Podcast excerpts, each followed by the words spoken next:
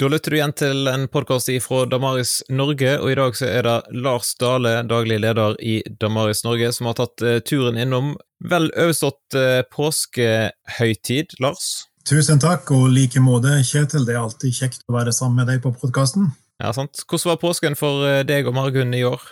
Nei, vi hadde mulighet til å være hos nær familie i, på Jæren, så det var veldig fint. Og så var det jo et privilegium midt i disse begrensningene at det å være Når alt skjer digitalt, så kan en jo være til stede i sin egen forsamling, selv om en er et annet sted fysisk. Så det opplevde vi en velsignelse, i tillegg til det flotte å være med nær familie.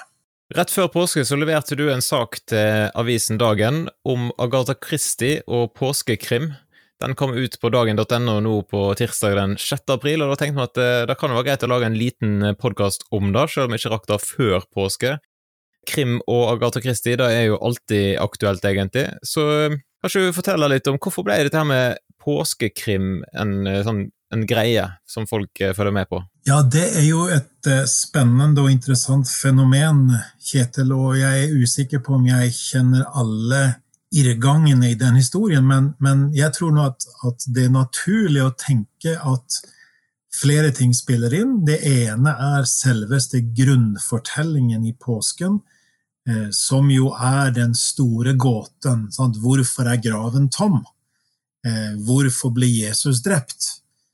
Hele den historien om Jesus sin døde oppstandelse, som jo selvsagt er selve hjertepunktet i, i påsken, og i påskebudskapet.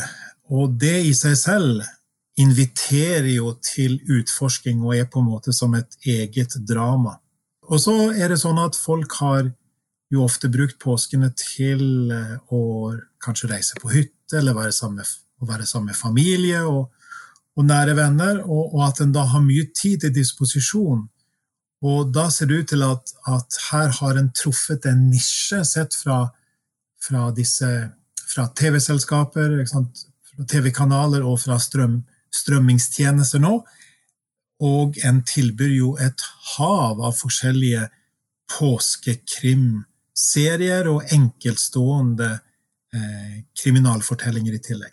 Så det spørs om ikke kombinasjonen av eh, påsken som den store gåten eh, og tilgjengelighet på tid og det å få avkobling fra hverdagens eh, skal vi si, vanlige, eh, sant, vanlige erfaringer og opplevelser. Eh, sånn sett er jo påskekrim en, en, måte å, for mange å flykte inn i spennende fortellinger og, og prøve sin egen evne til å løse historier i møte med de kriminal... Eh, detektiver en møter, ikke sant? privatdetektiver eller, eller politimenn eller hva det måtte være, og politikvinner som løser de ulike gåtene. I denne artikkelen så påstår du da at eh, for mange så er klassisk engelsk krim en eh, favoritt. Hva vil du definere som klassisk engelsk eh, krim? Ja, jeg må jo bare innrømme først av alt at jeg er blant de som syns at dette er særlig bra.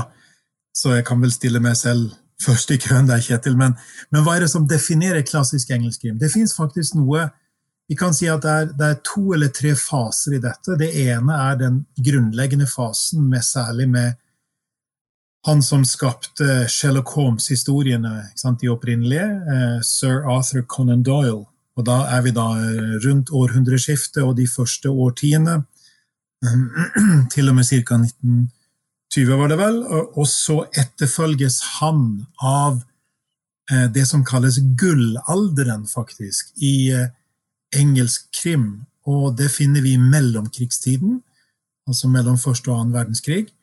Og, og det er derfor vi snakker om klassisk engelsk krim.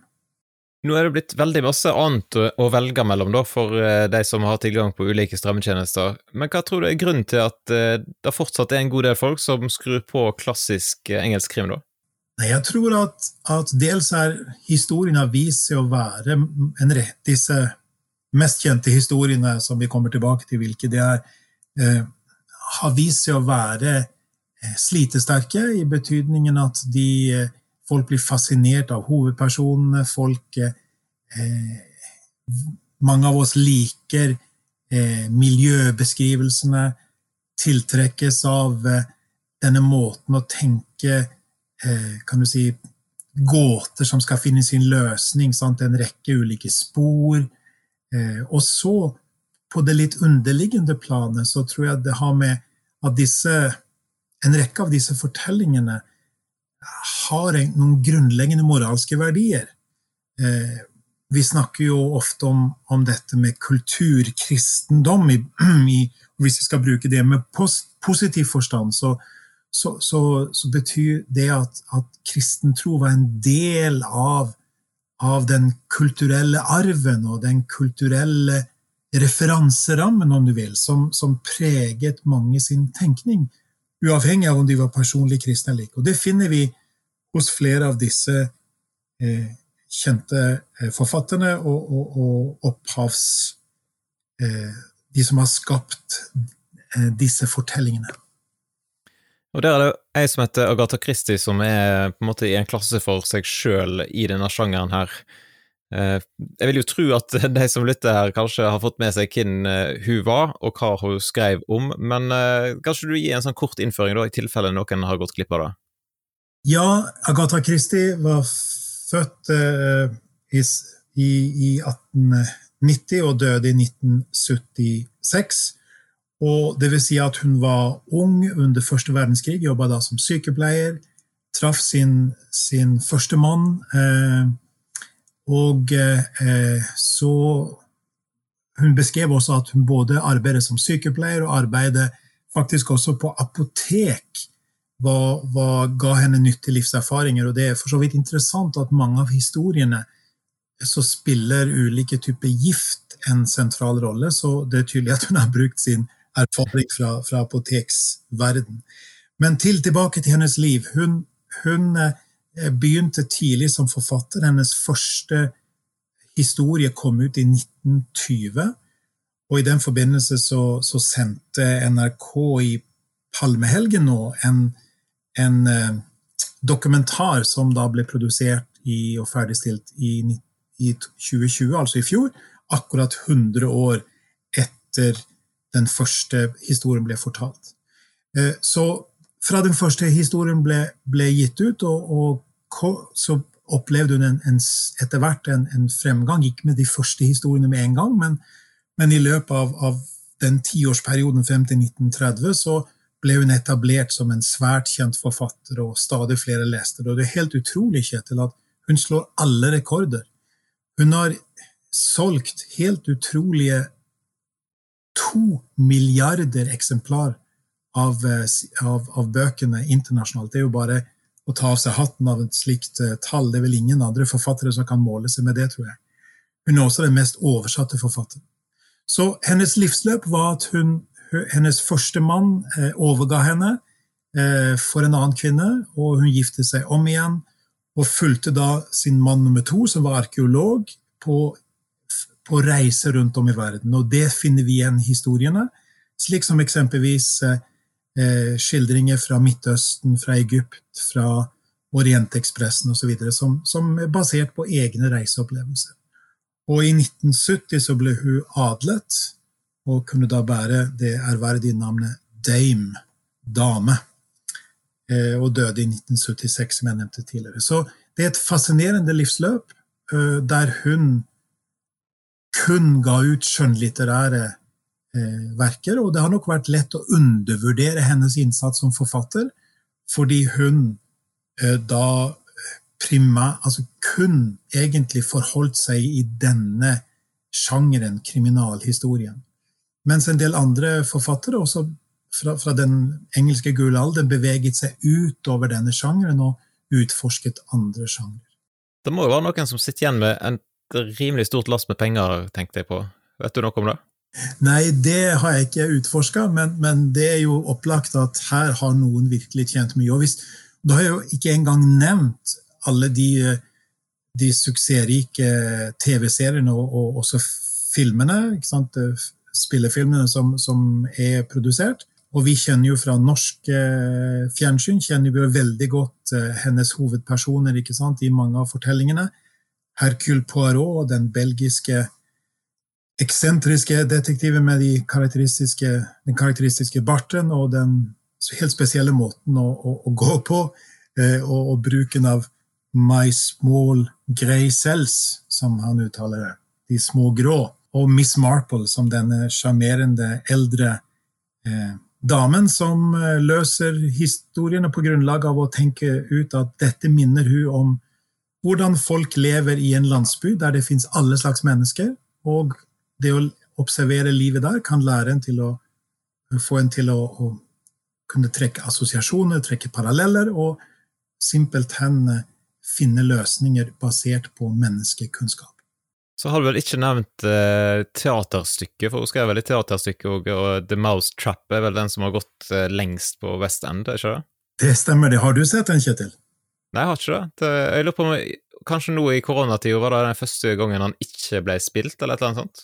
Det, er et eller annet, ja, det har jeg ikke fått med meg, men det kan veldig godt være. Det høres jo for så vidt rimelig ut. Den har jo spilt helt utrolig, om det er 25 000 ganger eller et eller annet sånt.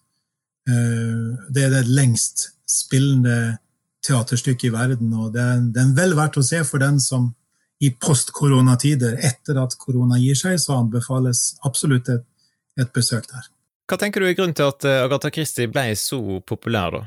Nei, det har vært pekt på at hun videreførte tradisjonen fra, eh, fra eh, Conan Doyle sine Sherlock Holmes-fortellinger med en detektiv og, som er veldig skarpsindig, veldig kløktig, intelligent, eh, enten vi snakker om Hercule Poirot eller Miss Marple, kombinert med at det, det, legges ut en rekke spor, eller indisier som det kalles, som en kan utforske, og, og, og som seer eller som leser, så inviteres vi inn i å prøve å løse fortellingen. Og så er det som regel en veldig uventa løsning på det hele. Der eh, historien snus litt opp ned på i forhold til hva vi forventet var var resultatet, eller, eller, hvem som da eh, eh, var den skyldige eller de skyldige. Så jeg tror at det ligger eh, noe dypere under overflaten. Eh, at det, de grunnleggende moralske verdiene finnes der. Det er noe som er rett, det er noe som er galt. Eh, krim, altså det å, å gjøre eh, gale ting, det å, å, gjøre en forbrytelse, lønner seg aldri i Agatha Christies fortellinger. Ehm, og hun utforsker vil jeg si, egentlig den, den, mørke siden av det å være menneske. Hva vil det si å, å være eh, menneske? Hvordan kan det komme seg at vi som At noen personer da faktisk går til det skrittet at de kan, kan, kan eh, komme i en situasjon der de, der de eh, dreper noen? Hva, hva, ligger i personlighet? Hva ligger i miljø, hva ligger i livshistorie, hva ligger i, eh, i, i uh, livets skikkelser, så å si. Uh, så vi finner egentlig under overflaten, når vi begynner å, å, å utforske dette, en, en, en, utforsking av hvordan makt eller pengebegjær eller eh, sjalusi eller altså kjærlighetsrelasjoner som har gått i stykker, eller som har gått helt i baklås, til altså alle mulige slags grunner som fører til at folk krysser alle tidlige grenser de har hatt i livet, og, og da tar et menneskeliv som er på en måte det, det ytterst eh, negative som kan skje. Sant? Det å, å, ta det ypperst, men Guds ypperste skapning. Nå ligger kristen tro ikke på overflaten Kjetil, i fortellingen hennes, men det ligger under. Sant? Det ligger på en måte som en sånn en, en, en, ramme rundt fortellingen, kan vi si. Rundt fortellingene hennes. Er det andre forfattere i denne sjangeren her da, som du er opptatt av? Ja, det finnes to andre forfattere fra den samme engelske gullalderen i krimlitteraturen som er veldig interessante å sammenholde med Agatha Christie. Det ene er eh, G.K. Gilbert Keith Chesterton, eh, som var en utrolig produktiv forfatter, og som også skrev fortellingen om fader Brown. Denne eh, fromme katolske presten som, som løser mysteriene ute på landsbygda i England, eh, med utgangspunkt i at han, som det står i flere fortellinger, at han skjønner hvordan synderen tenker. han lever seg inn i sine medmenneskers tanker og, og, kan forstå hvorfor noe skjer, fordi han kjenner på sin egen, eh, for å bruke det kristne begrepet, sant? sin egen synd, sin egen eh, skyld, og kan da leve seg inn i hvordan det kan føre til forbrytelser. Eh, så NRK har jo Nå i påsken gikk for øvrig hver dag på NRK en, eh, en eller to episoder fra, fra, den mest kjente versjonen av TV-serien, som det skal understrekes, dette er da, som det heter, it's based on the character. Så det er basert på eh, Chestertons Father Brown-fortellinger, men det er med nokså stor kunstnerisk frihet. Men allikevel fanger det inn mange gode poeng i historiene. og og her ligger jo kristen tro helt i overflaten. Og Chesterton, som da var forfatter til de opprinnelige Fader Brown-historiene, han, han eh, var en, en, en, profilert kristen forfatter, også med en rekke teologiske og apologetiske bøker eh, på, sin, si, på, sin, samvittighet.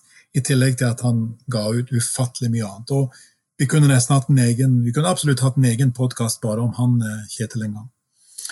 Eh, den andre forfatteren som er viktig å nevne her, det er Dorothy Sayers.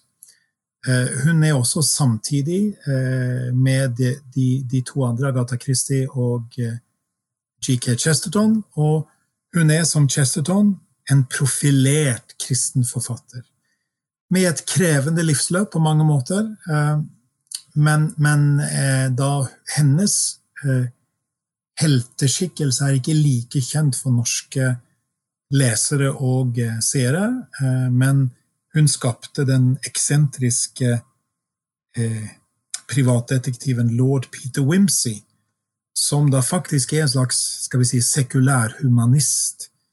I hvert fall agnostiker. Så han er sant, usikker på om Gud finnes. Og, og, og, men kristen tro behandles alltid med respekt, akkurat som i Agatha Christie-bøkene. Og vi finner at, at også at Dorothy Sayers eh, gjennom måten å fortelle på i disse historiene avdekker at universet har en orden, og det å gjøre forbrytelser bryter med denne grunnleggende år. Og en av vår tids eh, nålevende kvinnelige apologeter, eh, Amy Orr Ewing, som har vært i Norge i forbindelse med Veritas for et par år siden, hun skrev sin doktorgrad om Dorothy Sayers hele forfatterskap, og hvordan hun gjennom sitt forfatterskap, både gjennom fortellingen og det mønsteret, den pattern, som, som på engelsk da, den, det mønsteret som avdekkes, formidler eh, et kristent livssyn, en kristen virkelighetsforståelse, og da, når sjangeren tillater det, også en, en, en kristen, kristen budskap på en naturlig måte. Så for meg så er det, Og det er interessant å merke seg, kanskje si det mot slutten her, eh, Kjetil, at, at eh, hvis vi ser på, på salget av kriminallitteratur fra denne mellomkrigstidens gullalder, så er det faktisk disse tre forfatterne, Agatha Christie, GK Chesterton og eh, Dorothy Sayers, som fortsatt er i salg i England. Og hos oss da primært, eh, Dorth, primært Agatha Christie, selvfølgelig. Altså du tenker at det er ikke tilfeldig? Nei, jeg tenker jo at, at eh, vi trekkes inn i uh, noen skal vi si, fiktive univers, som vi snakker om. Altså noen verdener som er skapt fiksjonshistorier. Det, er ikke, det er ikke virkelige historier, men, men det er altså litterært skapte, fiktive historier. Og dels er de veldig intelligent konstruerte, disse, disse kriminalfortellingene, men under det ligger det samtidig eh, et, et eh, Det reflekterer en kristen virkelighetsforståelse av, med ulik grad av tydelighet når vi sammenligner de tre, men samtidig utvilsomt til stede. Så de færreste vil nok eh, forbinde Agatha Christie med kristen tro eller kristen bekjennelse, men hun var hele sitt liv eh, medlem av, av den anglikanske kirke. Hun eh, gikk ikke til nattverd, eh, og det var fordi hun var skilt, og, og det var vanlig praksis at hun ikke gjorde det. Men, men hun tok aldri avstand fra, fra den kristne tro, og, og det fins tydelig utsagn at hun eh, også ga sin positive tilslutning til, til kirkens overlevering så å si, til den klassisk kristne tro. Så jeg syns det er viktig å, å, ta disse forfatterne på alvor, både på kan du si, fortellingsplanet, de hvilke verdier som gjenspeiles i fortellingene, og på det underliggende planet, hvordan motiveres de av sitt kristne livssyn, og hva slags verdener skaper de, og hva, hva skjer med oss når vi møter disse verdenene? Det er nok en av grunnene til at jeg lar meg fascinere fortsatt av disse klassiske engelske forfatterne. Noen vil jo si at det er litt eh, makabert eh, å la seg underholde da, av mord og grusomme skjebner. Hva tenker du rundt det, Lars? Nei, jeg tenker jo at det er en, det er en berettiget innvending, og, og en god del av, sant, av, av, den kriminal... Skal vi si både litteraturen og, og kriminalfortellingene som vi møter eh, på skjermen i dag, bærer preg av å være fokusert. De, de, de, antyder ikke bare, men de viser på en måte i sin fulle gru eh, et mord, mange mord. Og, og, jeg skjønner godt at dette kan oppleves makabert, uhyggelig, og, og jeg vil på ingen måte forsvare en ukritisk eh, bruk av tidsbruk og en ukritisk konsumering av dette. Tvert imot så tror jeg at vi trenger å bruke skjønn.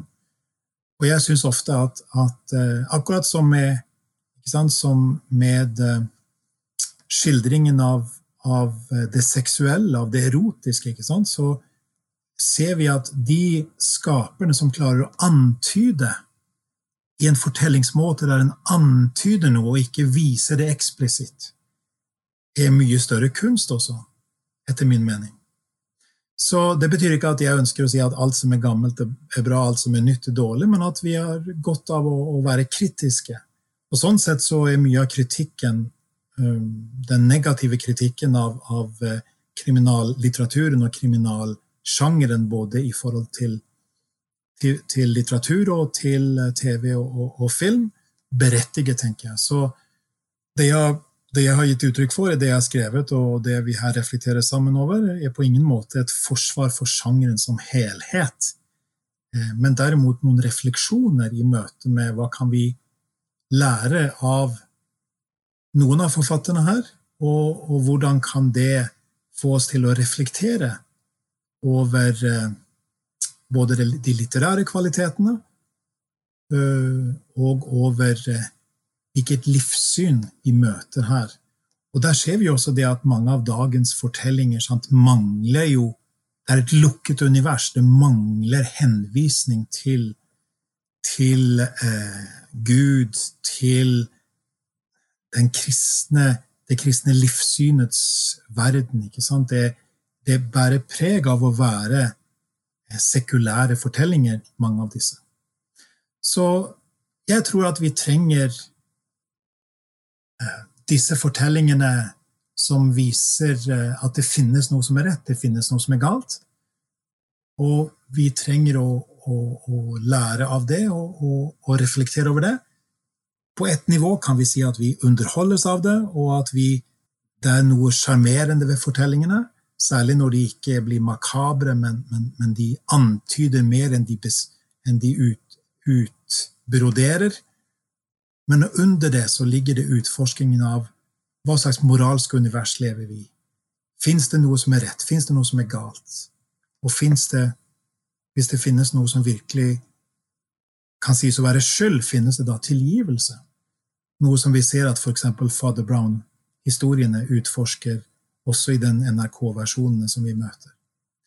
Så jeg kan vel si som en slags uh, oppsummering, Kjetil, at, at uh, jeg tenker at det er vel verdt å utforske disse fortellingene, også fordi de bærer spor av kristen tro så tydelig. Og det er jo interessant at NRK og andre kanaler og, og strømmingstjenester velger å fortsatt vise, vise disse fortellingene, selv om de nå etter hvert har, kan oppfattes som litt gammelmodige, eh, litt eh, out of tune. Sant? Det er ikke på en måte dagens eh, raske fortellingsmåte, men det er mer det, det, det underfundige, det, det utforskende og det reflekterende som disse fortellingene inviterer oss inn i. Hvis det som lytter har lyst til å lese litt mer om dette, her da, vi kan jo lenke til artikkelen din som kom ut uh, i dagen. Um, har vi noe på snakk om tro om disse tingene her? Ja, vi har også uh, et par andre artikler og podkaster som vi kan linke til. En artikkel som heter 'Mord og andre mysterier', tror jeg. Uh, så her skulle være nok å oppdage. Og så vil jeg jo si at at det fins mye spennende her, og, og, faktisk ting som også kan sies å være av litterær god kvalitet. Eh, og det er jo helt utrolig. Tenk Agatha Christie. To milliarder bøker. Kanskje som en sånn konkluderende refleksjon her at når en forfatter sånn som Agatha Christie har solgt ufattelige to milliarder bøker internasjonalt, da må vi ta henne på alvor både som forfatter og hva slags verdier og hva slags livssyn kommer til uttrykk i hennes fortellinger. Ja, så Hvis du som lytter har noen eh, tanker og refleksjoner, lyst til å dele dine kommentarer med oss, så kan du enten eh, sende en e-post til post.damaris.no, eller du kan eh, ta kontakt med enten Lars eller meg direkte via damaris.no. Takk for at du lytta til podkasten, og så ønsker vi deg en fin dag. Så plutselig er vi tilbake med en ny episode fra Damaris Norge.